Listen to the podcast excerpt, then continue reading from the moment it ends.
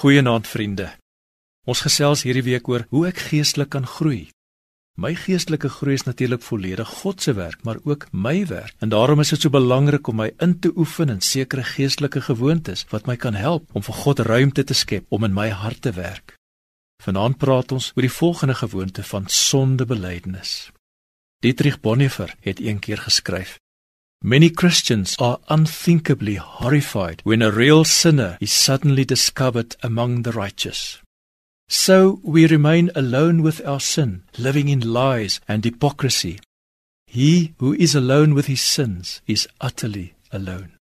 Ons is almal sondige wesens. Ons doen telkens die verkeerde ding teen God se riglyne in.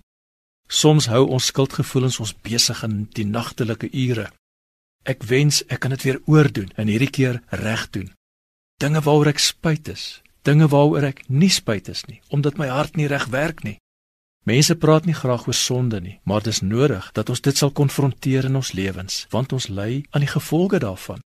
Ons sukkel ook soms om God se vergifnis te aanvaar.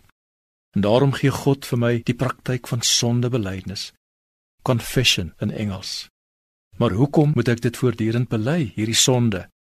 Ons doen dit nie so seer omdat God dit nodig het nie. Ons doen dit omdat ons dit nodig het, sodat ons innerlik kan genees en kan verander.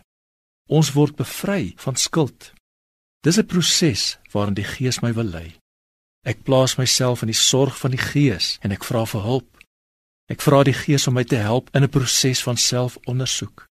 Ek neem tyd om te reflekteer oor my gedagtes, my woorde, my dade en ek erken dat ek gesondig het. Ek ondersoek die toestand van my gewete en dit is nie maklik nie. Ek wil dit graag ontken of ontduik. Ek soek soms verskonings. Daar mag heelwat bydraende faktore wees, want menslike gedrag is kompleks, maar eers het ek tog 'n keuse gehad wat nie verskoon of verduidelik of begryp hoef te word nie. Dit moet net vergewe word. Die kanaal moet skoongemaak word.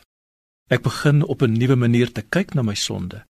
Ek sien my sonde deur die oë van hulle teenoor wie ek gesondig het en ook deur die oë van God en so haal ek die balk sommer uit my eie oog. Ek begin die pyn van ander mense verstaan, asook God se pyn oor sonde. Ek erken my skuld voor die Here en my medemens en ek maak reg wat ek verkeerd gedoen het. Belydenis is ook 'n daad van genade. Ons ontvang God se genade en vergifnis. Hy vergewe ons telkens weer en weer en dit lei tot verzoening en restituisie. Dit motiveer ons om te groei en te verander. Daar is nou 'n voorneme om weg te bly van die verkeerde roete.